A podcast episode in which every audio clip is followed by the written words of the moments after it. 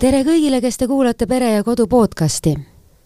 oled sa mõelnud, kas sul ikka on sääste selleks, kui juhtub mõni õnnetus, mille tõttu tuleb mitu kuud töölt eemal olla? või kas oled mõelnud, mis saab sinu lähedasest, kui peaksid pere peamise sissetuleku teenijana raske haiguse tagajärjel lahkuma? kelle kanda jääks laenukohustused? või mis saab siis, kui õnnetus või haigus tabab sinu last? Elukindlustus koos õnnetusjuhtumi kindlustusega aitab sellisest ootamatust olukorrast valutumalt üle saada ja selles valdkonnas on küll hea lähtuda ütlusest, et parem karta kui kahetseda. tänases saates räägimegi, mis vahe on elukindlustusel ja õnnetusjuhtumi kindlustusel ning stuudios on meil kaks külalist, tere tulemast, Anu Meier, SEB riskihindamise ja kahjukäsitluse juht. tere, Anu! tervist! Ja tere, Elerin Reinmann, Swedbanka elukindlustuse valdkonna juht. tervist! ma kohe küsingi alustuseks, et äh, miks siis inimene üldisemas plaanis äh, peaks mõtlema sellele elu kindlustamisele, millele peaks mõtlema seoses lähedastega ja seoses sellega, et kui siis juhtub õnnetus või, või, või tuleb nagu haigus. sest mina ütlen ausalt, minul ei ole elukindlustust ja ma arvan, et võib juhtuda, et kui me selle saate oleme ära teinud, siis ma muudan võib-olla selle otsuse üldsegi nagu ümber?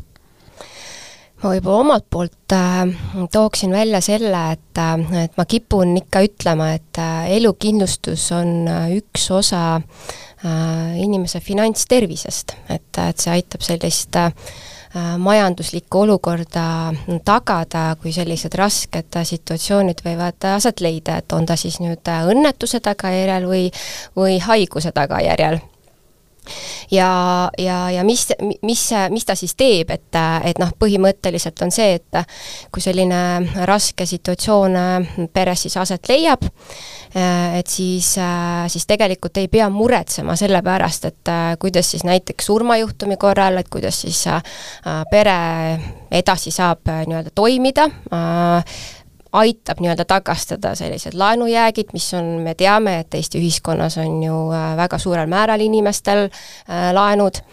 Äh, ja, ja tegelikult aitab ka sellist nagu tavapärast elu selliseid kohustusi või, või selliseid väljaminekuid tasakaalustada, et, et kui me mõtlemegi, et kui meil on perekond, meil on lapsed, kõik igasugustest valdkondadest läheb ju väljaminekuid, et lastega seotud kulud, on ta hariduskulud, aga ka sellised võib-olla majapidamiskulud, kõik see, et, et mis meie elu nii-öelda ümbritseb. ja, ja ma mm, alati soovitan tegelikult endal läbi teha selline no võib-olla mõtteharjutus, et et siin on võib-olla kaks võimalust isegi, et üks pool küsida enda käest nagu paar küsimust, et, et, et kui nüüd, et kui mul on laenukohustused ja kui nüüd ma peaksin surema äh, või siis näiteks äh, ma ei ole võimeline enam tööle minema oma raske terviserikke tõttu, et äh, kas mu pere või mina saan hakkama ja teine pool on tõesti see, mis puudutab selliseid võib-olla üldiseid väljaminekuid, et kas, kas siis saab hakkama. ja, ja kui nüüd vastus on ei, et siis on nagu see punkt, millega peaks nagu edasi tegelema hakkama, et kas, kas mul on nii-öelda siis see plaan B, või tegelikult äh, tasub tõesti siis vaadata ja kaaluda elukindlustuse poole. ja teine selline võib-olla harjutus, mida võib-olla sellised äh, mat-, matemaatilised inimesed äh, armastaksid teha, on see, et et äh, äh, kui teha nii-öelda võib-olla selline harjutus läbi, et panna pere sissetulek, panna nii-öelda pere kohustused ka nii-öelda ritta ja teha selline kalkulatsioon, et võtame sissetulekust maha kohustused, et, et mis siis jääk jääks. Ja vot nüüd, kui võtta maha siis see üks sissetuleku pool, näiteks et noh, üks pool siis näiteks pere eelarvest nii-öelda, on ta siis surmajuhtumi tõttu või tõesti ei saagi nii-öelda tööl käia äh, raske haiguse tagajärjel näiteks, et mis see siis tähendaks äh, nii-öelda pere eelarvele. ja ma arvan, et need tegelikult äh, äh, pooled toovad välja nagu selle raskuskese, et äh, kas siis on vaja või ei ole vaja.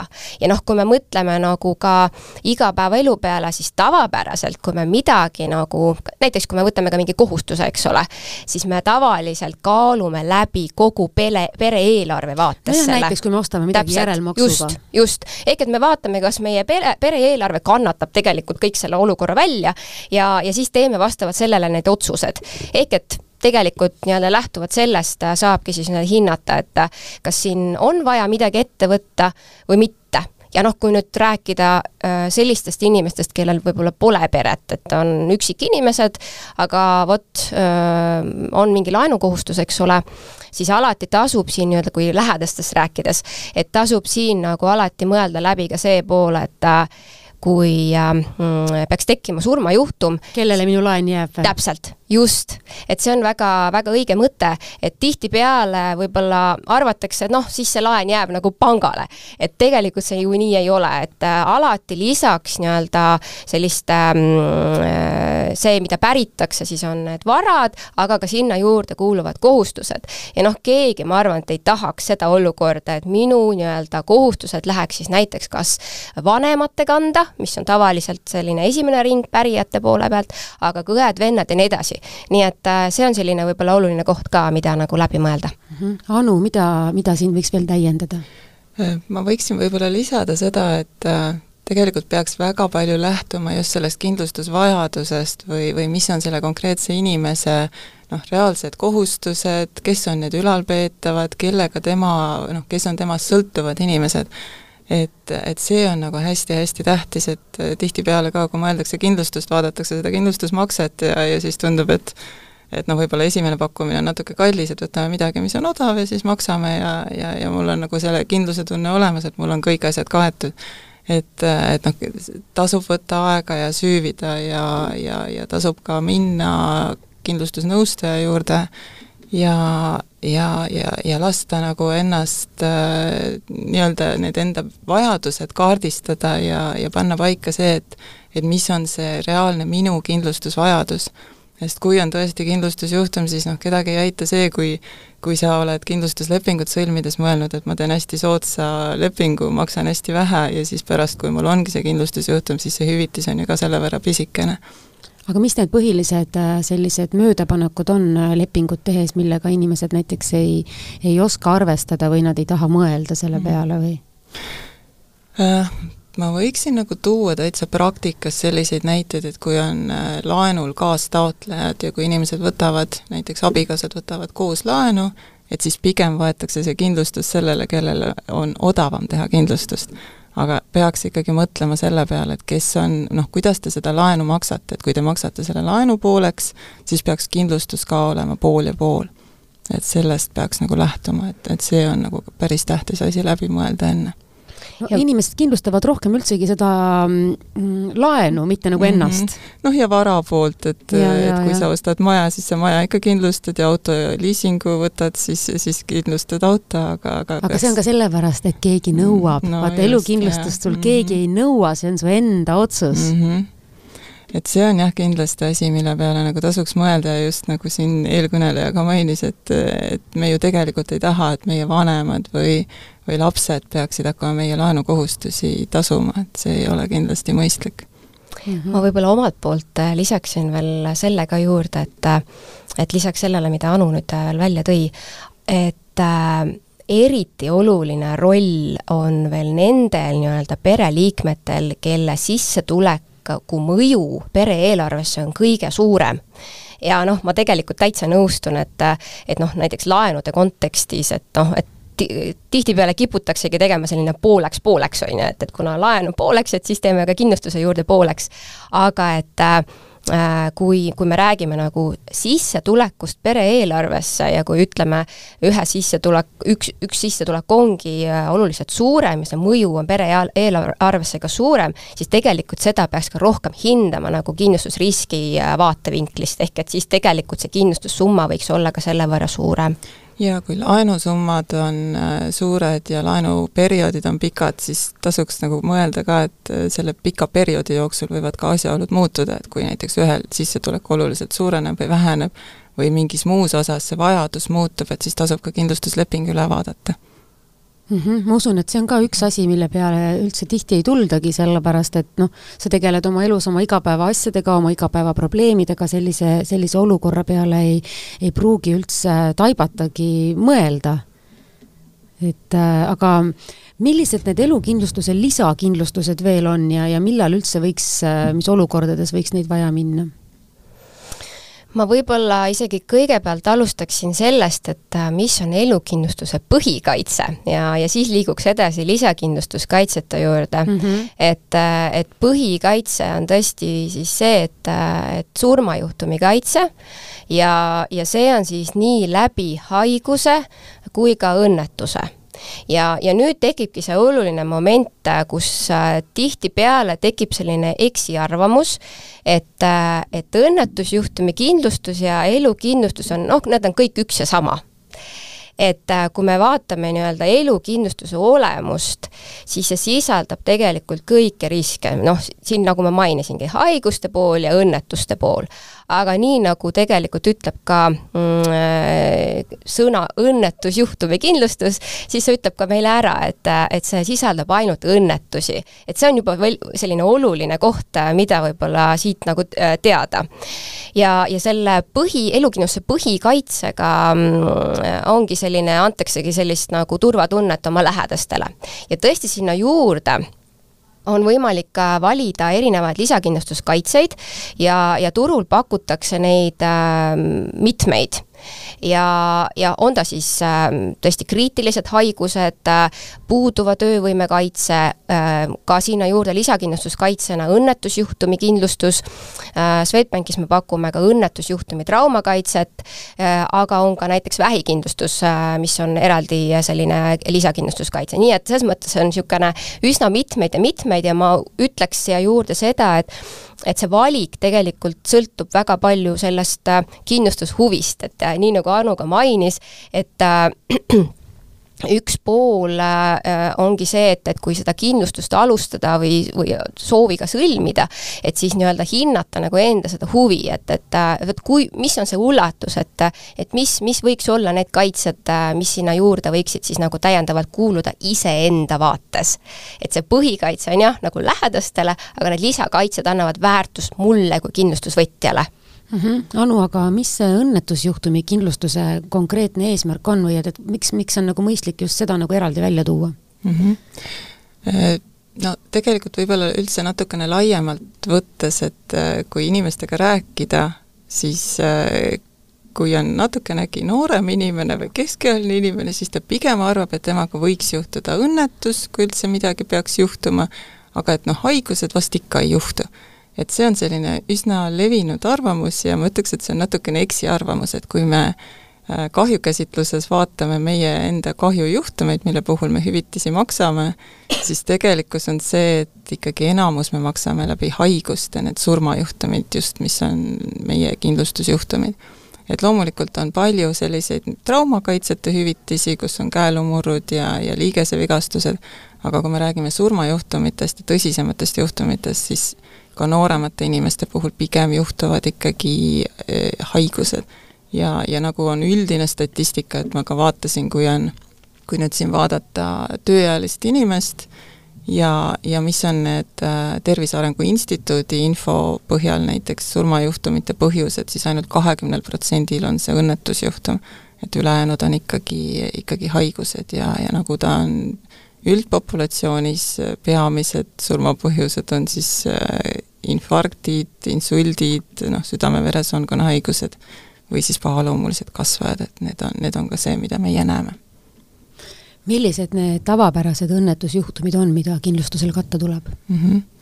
Et see sõltub nüüd sellest kindlustuskaitse liigist, et meie pakume näiteks kolme liiki õnnetusjuhtumi kaitseid SEB-s ja seal on siis surmajuhtum läbi õnnetusjuhtumi on invaliidsuskaitse ja on päevarahade kaitse, ehk siis, et nad on nagu kõik täiesti erinevad, et jällegi, et ei ole mõtet nagu võtta niimoodi, et mul on üks kaitse olemas, siis on juba täiesti piisav, et tegelikult nad ongi kõik erinevad ja, ja tasuks nagu panna see pakett siin kokku. et kui surmajuhtum, noh näiteks kui on üldine elukindlustuskaitse, millest siin ka Elerin rääkis nii haiguse kui õnnetuse läbi, siis võiks seda nagu nii-öelda võimendada veel siis läbi selle õnnetusjuhtum surmakaitse, et kui tõesti on õnnetusjuhtum ja inimene saab surma, siis makstakse veel lisaks see kindlustussumma välja. aga õnnetusjuhtumi invaliidsuskaitse tähendab siis, et kui on trauma ja jääb püsiv kahjustus, et noh, jällegi, et tihtipeale arvatakse, et see püsiv kahjustus on, on midagi sellist noh, väga, väga dramaatilist äh, amputatsioonid või, või lülisamba murrud või mingid sellised asjad, aga äh, noh, meie tegelikult kahjujuhtumite puhul näeme pigem, et need on suhteliselt lihtsad asjad, et on, on mingid lihtsad äh, põlvevigastused või õlavigastused või või, või noh, mingid rasked luumurrud, millest jääb püsiv kahjustus, et me maksame siis ka funktsiooni kaotuse korral. Et kui näiteks on seal kindlustussumma sada tuhat, siis äh, noh, näiteks on meil tingimuste järgi pöidla kaotus on kakskümmend protsenti sellest kindlustussummast ja see ei tähenda nüüd, et see pöial peab olema kindlasti amputeeritud, vaid see ongi näiteks, kui on raske luumurd ja e, ei, on ei liigu enam hästi? no just, et, et ei saa midagi haarata, ei saa tööd teha, see funktsiooni-kahjustus on seal niivõrd oluline, et et seda ka taastusraviga ei saa parandada, siis, siis me maksamegi see kakskümmend protsenti sellest sajast tuhandest hüvitisena välja aga ma kujutan ette, et õnnetusjuhtumi kindlustust äh, teevad rohkem ka need, kes tegelevad mingisuguse füüsilise spordiga, eks ole, ja kas siis äh, neil see, ütleme, hinnastamine on erinev olenevalt sellest, et millise spordialaga see inimene kas siis nagu professionaalselt või siis hobi korras tegeleb? Äh, no eks ta ikka on jah erinev, sellepärast et äh, me näeme ka seda, et need, kes tegelevad näiteks kontaktspordiga, jalgpalliga või korvpalliga, et nendel juhtub neid õnnetusi rohkem. ja siis on ohtlikud spordialad, näiteks nagu motosport või sukeldumine, et nende puhul me vaatame alati eraldi ja individuaalselt seda hinda. kui ma vaatan enda tuttavate puhul, et äh, kellel mida on juhtunud, siis minule tundub, et kõige rohkem niisugune tavainimeste hulgas igapäevaelus juhtub jalgrattaõnnetusi mm. ja sa ei pea üldse mingi sportlane selleks olema. Jaa, ja neid tõuksiõnnetusi ja, ja eks neid loomulikult juhtub ja tegelikult juhtub ka kodus toimetades õnnetusi ja remonti tehes ja, ja lihtsalt kõndides mm. -hmm, aga mm, -hmm. aga noh, see risk on, on selles mõttes natukene suurem ikkagi, kui inimene tegeleb mingi spordialaga, et ega need tavaeluga seotud riskid ära ei kao, aga lihtsalt see spordirisk äh, tuleb sinna veel lisaks siis juurde teatud juhtudel. aga oletame, et sa ei olegi nagu päris sportlane, sa ju ei oska ette näha mm -hmm. kõiki asju, mis sinuga juhtub, et no ma ei tea, lähed paadiga sõitma, saad aeruga vastu pead, sa ei ole nagu seda ette näinud et see ikkagi käib siis kuidagi üldise õnnetusjuhtumi kindlustuse all? no me ikkagi vaatame lepingu sõlmides seda, et kui inimene regulaarselt mingi spordialaga tegeleb mm -hmm. jah, või siis kui ta hakkab lepingu kestel ka mingi, näiteks vahetab oma spordiala, kui ta enam ei tegele selle spordialaga või hakkab tegelema mingi uue spordialaga, siis tuleks teavitada kindlustust, et siis aga kui sa rattaga tööl käid, kas see on ohutegur äh,? ei, see ei ole ohutegur, et samamoodi nagu ei ole motosport, kui ma sõidan lihtsalt auto või mootorrattaga tavaliikluses Mm -hmm. ma tahtsin veel omalt poolt lisada, et äh, mida me Swedbanki poole pealt kahjudest äh, näeme seoses õnnetustega, et väga palju äh, nii-öelda klapib Anu jutuga, aga et nüüd on suvehooaeg on, eks ju, käimas ja, ja mis meie nagu näeme sellel sellisel suveperioodil, ongi tõesti need, üks pool on need tõukeratas, ratastega need probleemid, aga tegelikult ei pea isegi kodust väljuma, et et kui me vaatamegi traumadega lõppenud nii-öelda õnnetusjuhtumeid, et siis enamus juhtub koduses keskkonnas. mis need inimesed seal kodus nii ohtlikku teevad? no vot, eks ole, et no meie nii-öelda näidetel näiteks, et isegi duši alt tulles libedal põrandal kukkumine võib põhjustada väga palju pahandust. nii et see on võib-olla üks selline näide, aga ka praegu ma usun, et hakkab kodus äh, selline rohkem võib-olla remondijõuaeg, et äh, redeliga ro-, ronimised on ka sellised üsna tavapärased siis äh, tulema suveperioodidel mm. -hmm. siis see kevad-sügine oksalõikus ka kindlasti. just, et, et need on võib-olla sellised jah, sagedased juhtumid, mis, mis võivad aset leida. jaa, et neid remondiõnnetusi me näeme päris tihti ja grillimisel juhtub õnnetusi ja, ja ka näiteks lastel batuudil juhtub palju õnnetusi nii et mm -hmm. ja üldse selline lastega mürades juhtub ja noh, eks elus ikka juhtub neid asju, et sellepärast ei tasugi nagu hoiduda igasugusest toredast sportlikust tegevusest, vaid pigem lihtsalt teha see kindlustus ja siis olla valmis selleks, et kui, kui see olukord juhtub, siis vähemalt on mul võimalik olla kodus ja ravida ennast ja saada korralikku taastusravi mm. -hmm aga korra juba tuli juttu, et lastega juhtuvad batuudiõnnetused ja nii edasi, et äh, mis need, äh, mis need laste traumad või õnnetused üldse kõige tüüpilisemal äh, puhul on ja, ja kuivõrd teadlikud on vanemad üldse selles mõttes, et noh, nad peaksid oma laste elu või, või, või tervise ka kuidagi kindlustama? No laste elu ei saagi kindlustada. noh, see ei ole ju ka mõistlik või vajalik, et kindlustus mm -hmm. lähtub ikkagi kindlustusvajadusest. et kuna tema ei pea kedagi üleval no, siis on tal täpselt, teised kindlustustüübid. aga, aga loomulikult lastele traumakaitseid me pakume ja, ja lastel ka juhtub traumasid palju.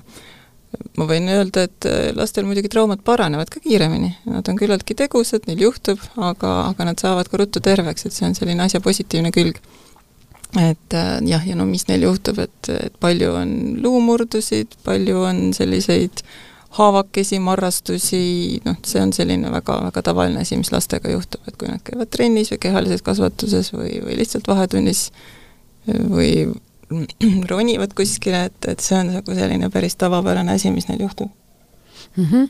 aga kui äh, ütleme, lapsel on tehtud see kindlustus ja midagi juhtub, kuidas siis laste puhul see hüvitise arvutamine käib, et tal ei ole ju saamata jäänud töötulu ja muud sellised asjad mm? -hmm noh, siis me vaatame ka seda, et kuidas arst selle paneb kirja haiguslukku, et kui kaua ta näiteks ei saa trennis käia või kui kaua ta ei saa kehalises kasvatuses käia ja, ja selle järgi, et kui pikalt see taastusravi seal kestab mis tähendab, et kui on selline aastamaksuga trenn, et siis näiteks kindlustus korvab nende, nende kuude maksud, kui laps on eemal või mismoodi te selle arvutuse teete, ma lähen nüüd täitsa detailidesse kohe. päevarahast jah, kui suur see päevaraha on valitud, et, et kui näiteks lepingu sõlmides on valitud viieteist-eurone päevaraha ja kui arst kirjutab meile, et selle konkreetse näiteks liigese vigastusega kuu aega laps ei saanud trennis käia, siis me arvutamegi viisteist eurot päev korda kolmkümmend päeva näiteks mm. -hmm. et see mhm. sõltub jah sellest, et siin on jah, natukene erinev turul, et et meie maksame neid haiguspäevi ja, ja täiskasvanud ehk siis teie, ehk siis SEB? SEB,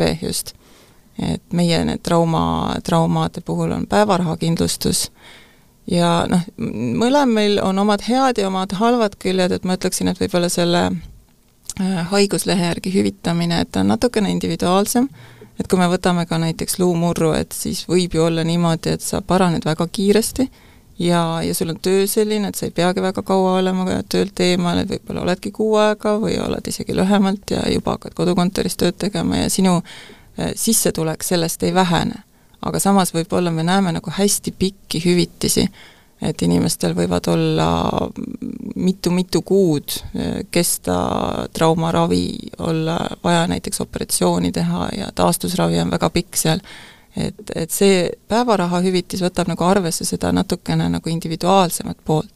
teisest küljest, kui, kui makstakse konkreetse trauma eest nagu nii-öelda valuraha, et siis on võimalik jälle see hüvitis kiiremini kätte saada, et et juhtub õnnetus, siis juba, juba me teame, et on käeluumurd ja maksamegi käeluumurru eest alati mingi teatud kindla hüvitise. kuidas üldse need elukindlustuse, tervisekindlustuse, õnnetusjuhtumi kindlustuse hinnad kujunevad? No elukindlust-, ma saan rääkida, kommenteerida elukindlustuse poolt, et, et elukindlustusel äh, nii-öelda hinna arvestamisel võetakse arvesse siis äh, isiku vanust, äh, siis kindlustussummat ja, ja hästi oluline komponent ongi tervis ehk et seetõttu võib-olla elukindlustus, miks ta ka erineb nii-öelda õnnetusjuhtumi kindlustusest, et äh, kuna see sisaldab seda haiguse kompon-, komponenti, äh, siis üks osa sellest elukindlustuse nii-öelda lepingust ongi terviseriskide hindamine. ehk et tulebki ära märkida, et vot, mis on olnud siis, noh, praktika kindlasti turul on erinev, aga et et mis on teatud perioodi siis need haigused olnud ja vastavalt sellele kujunebki tegelikult see lõppkokkuvõttes siis see kliendi jaoks personaalne hind et äh, siinkohal ei saa kindlasti võrrelda, et miks mul on nii, miks tal on naa, et kuna see tõesti on hästi personaalne, siis, äh, siis, äh, siis seetõttu tuleb seda niimoodi vaadata. Ja siin on kindlasti hea soovitus see, et kindlustusleping võiks olla sõlmitud siis, kui sa oled noor ja terve, et Just. kunagi ei tea, kuidas elu läheb ja millised haigused on näiteks viie või kümne aasta pärast, et pigem siis juba sõlmida see leping ära siis, kui tervis on korras ja, ja, ja mingeid suuremaid riske ei ole. ahaa, räägime nüüd kohe lahti, et miks on see kasulik sõlmida siis, kui sa oled noor ja terve, sest kui hiljem tulevad välja, et sul on teatud terviseriskid, siis see mõjutab ka sinu kindlustuslepingut. jaa, absoluutselt, et noh, samamoodi nagu Äh, noh, võib-olla varakindlustusega ei ole väga hea paralleel, aga, aga noh, põlevat maja ka ei saa kindlustada, eks ole, et et, et tervise puhul on samamoodi, et kui on juba väga selline tõsine haigus diagnoositud, siis võib see leping olla väga palju kallim ja, ja mõnel juhul ei saagi võib-olla seda lepingut sõlmida. et seda tuleb küll küllaltki harva ette, aga, aga seda võib ka olla niimoodi. -hmm. võib-olla omalt poolt toongi välja selle ka, et, et kes on meie nii-öelda vaates selline keskmine kindlustaja. jaa, seda oleks huvitav kuulda. et äh, täna ma saan öelda, et, et meil keskmiselt äh, sõlmija on siis kolmekümne kahe aastane äh, meesterahvas, et rohkem tõesti sõlmijaid on meesterahvaid Äh, ja noh, tõesti selline võib-olla noorem, äh, noorem kliendigrupp ongi aktiivsemad ka, äh, kes elukindlustust endale sõlmivad ja see on väga tark otsus, nii nagu tegelikult Anu ka välja tõi, et et õige aeg sõlmida elukindlustust on siis, kui olla terve. aga tõesti noh, saab ka hiljem loomulikult äh, kindlustusavaldusi esitada, aga siis peab alati arvestama sellega äh,, mis siin juba eelnevalt ka kõlas, et see hind ei pruugi olla enam nii soodne, kui ta oleks olnud varem. Ja mis veel võib mõjutada seda hinda, et, et lisaks tervisele on ka elustiil, et sõltuvalt siis nüüd erinevatel seltsidel on jällegi natukene erinev praktika, et aga küsitakse kehakaalu ja küsitakse suitsetamist ja, ja selliseid asju ka ja, ja noh, lisaks siis need ohtlikud hobid ja, ja, ja ka amet mängib siin rolli, et kes näiteks töötab kaevanduses, võib temal olla kindlustusmakse kallim näiteks. kas kindlustus kuidagi kontrollib ka seda juttu, mis inimene neile räägib, et äh, inimene, kes tuleb ennast kindlustama, ta võib ennast nii mõelda ja rääkida ju täitsa terveks inimeseks, kes ei, ei kõnni kodust kaugemale kui äh, külapoodi ja tagasi ja, ja kogu lugu. jah, no siin on tegelikult kaks aspekti, et, et tegelikult paljud inimesed ise arvavad seda, et küll see kindlustus leiab selle põhjuse, et mitte hüvitist maksta et noh, tegelikult ma võin öelda, et meil on keeldamiste protsent on viis protsenti, et see on ikkagi küllaltki pisikene ja need on enamasti sellised juhtumid, kus tegelikult ei olegi kindlustuskaitset üldse, et näiteks kui äh, ei ole traumakaitset äh,, siis, siis me ei saa trauma eest maksta, hüvitist maksta või mm -hmm. siis, kui, kui sul on gripp, siis me ei saa traumahüvitist maksta, eks ole. et tegelikult neid keeldumisi on väga-väga vähe. ja, ja kui nüüd äh, noh, arvatakse seda, et et noh, midagi läks meelest ära või ma ei pannud kõiki asju sinna kirja lepingu sõlmides, et alati tasub siis nagu julgelt üle küsida, et, et loomulikult lähevad asjad vahest meelest ära ja kui me küsime, et et kas viimasel kümnel aastal ei ole olnud mingeid selliseid või teistsuguseid haiguseid, siis noh, ei pruugi asjad alati meelde tulla, see on väga okei okay,, kui tuleb meelde, siis võta ühendust, vaatame üle ja, ja siis vaatame, mis teha mis saab. mis siis saab, kui inimene annab valeandmeid enda kohta, ütleb, et ta on täiesti maruterve, aga tegelikult siiski ei ole? see on nüüd selline juba pahatahtlik käitumine ja tegelikult ega sellisest lepingust ei ole mitte kellelgi kasu, et ei ole kindlustusseltsil sellest mingit kasu ja ei ole sellel inimesel ka, sest kui tõesti on kindlustusjuhtum, siis noh, meil on äh, sõltuvalt sellest juhtumi liigist, siis mis vajadust me näeme, et me võime ka teha politseisse päringu või võime teha haiglasse päringu. et see tegelikult tuleb välja ja, ja meil on väga digitaalne informatsioon olemas äh, haiglatel et see noh, midagi ju tegelikult ei jää saladuseks ja mingit kasu inimesel sellest ei ole. tal võib elada selles illusioonis ja. seni, kuni see juhtum tuleb kätte, aga kui see Just. juhtum tuleb kätte, siis ta ikkagi tuleb välja, et milline see olukord tegelikult et väga on. palju mõistlikum on anda ausat infot ja siis saadki selle, selle pakkumise, mis sinule kõige rohkem sobib ja, ja siis vaadatakse, et millised kindlustuskaitsed seal on vajalikud ja millise hinnaga me saame pakkuda, nii et et see on nagu palju mõistlikum, kui, kui hakata seal vassima, et aga tegelikult seda õnneks on väga-väga vähe, et me näeme neid nagu väga harva, selliseid noh, reaalselt pahatahtlikke juhtumeid. mis summa peale inimesed oma elukindlustust äh, enamasti kipuvad tegema? kuidas nad seda hindavad? jaa, äh, üks osa nii-öelda kindlustusnõustamisest ongi see nii-öelda arusaamine, et, et kui palju siis äh, iga inimene kindlustussummat vajaks ja, ja eks neid äh, soovitusi äh, on erinevaid, eks ole, et, äh, et noh, kui nüüd rääkida, ütleme, maailmapraktikast, siis siis seal selline võib-olla hea tase on kolme kuni viie aasta sissetuleku kindlustamine, võib-olla isegi natuke rohkem aga mida Swedbank soovitab, et nii-öelda kindlustada vähemalt kahe aasta sissetulek ja kõik kohustused. ja noh, ma rõhutaksin seda vähemalt sõna siinjuures, et et, et seetõttu, et alati peab nii-öelda vaatama sellist võib-olla pikka perspektiivi, et, et elukindlustuse leping ei ole selline nagu ühe aasta leping.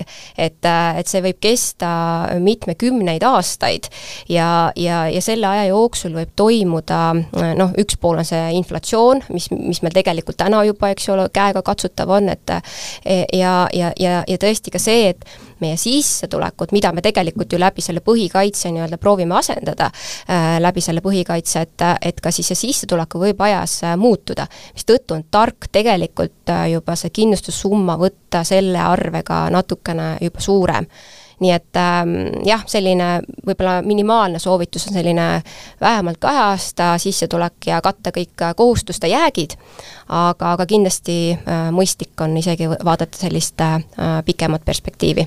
Kuidas seda elukindlustust üldse nagu üle vaadata aeg-ajalt, et kui sul on näiteks äh, laenukohustus, siis sul see ju iga aasta sul muutub, mis see jääk on. et kas see kindlustuse äh, kompenseeritav osa ka siis proportsionaalselt kogu aeg väheneb või, või kuidas sellega on? kui on laenukindlustus sõlmitud, siis ta ongi seotud selle konkreetse laenuga ja kui laenujääk väheneb, siis ka kindlustatav osa väheneb. aga, aga seal on jällegi, et väga palju erinevaid tooteid ja erinevaid võimalusi, et noh, selleks, et orienteeruda nendes asjades paremini, kõige mõistlikum on tulla kohale ja ikkagi kindlustusnõustajaga neid asju arutada, kes on professionaal ja kes juba oskab sulle nagu tuua välja selliseid asju, mille peale sa võib-olla ei tulegi, et, et just see, et kes kui palju teenib peres ja kuidas see proportsioon seal on ja, ja kui palju on ülalpeetavaid, kui palju on laenusid et kõik need asjad nagu saaks läbi arutatud, sest tõesti, see kindlustusvajadus on nagu hästi tähtis, et siis on sellest kindlustuslepingust kasu ja, ja, ja kõik on nagu rahul ja juhtumi puhul on ka see noh, kõige, kõige kasulikum ikkagi sellisel kujul. millele laste kindlustamise puhul tasub eriti tähelepanu pöörata hmm,? see on hea küsimus jah, ütleme, et äh, oled lapsevanem mm -hmm. juba mõnda aasta olnud, mõnda aastat ja siis sa mõtled, et kas nüüd peaks oma last kuidagi kindlustama, et siis äh... meil on äh, lastekindlustused äh, sellised, mida me pakume lisaks kogumisele, et, et kui sa soovid oma lapsele koguda mingit summat, on fondi investeeringud, laste kasvuportfell, siis sinna juurde saab võtta neid laste õnnetusjuhtumi kindlustusi. Ja on siis traumakindlustus ja pluss siis noh, see on samamoodi siis päevaraha põhimõttel, millest me siin enne rääkisime pluss on siis lastel ka invaliidsuskindlustus, et kui peaks jääma sellest traumast mingi püsiv kahjustus, siis, siis makstakse suurem summa välja. kas inimesed pigem kindlustavad ennast või oma lapsi? Äh, no kiputakse ikka lapsi võib-olla rohkem, et see tundub nagu emotsionaalsem, aga noh, tegelikult ikkagi mõistlikum on kõigepealt ennast kindlustada, sest et äh, noh, laste hakkamasaamine ja, ja toimetulek sõltub ikka sellest, kuidas, kuidas nende vanematel läheb, nii et et vanematel peaks olema nagu kõigepealt see prioriteet, et vaadata need enda kindlustused üle ja siis, siis võib-olla nagu lastele ka lisaks. aga noh, jällegi, et see on nii individuaalne, et siin ilmselt nagu tasuks, tasuks maha istuda ja võtta natukene aega ja mõtiskleda ja, ja kellegi spetsialistiga need asjad läbi vaadata. Anu ja Elering, kas teil endil on elukindlustused ja õnnetusjuhtumi kindlustused ja kõik lisakaitsed ja kõik on tehtud ja olemas või te alles nagu kaalute midagi? Mina sõlmisin oma elukindlustus, esimese elukindlustuse aastal kaks tuhat üheksa, väga ammu tagasi. ahah, et kui vana sa siis olid sellel ajal umbes?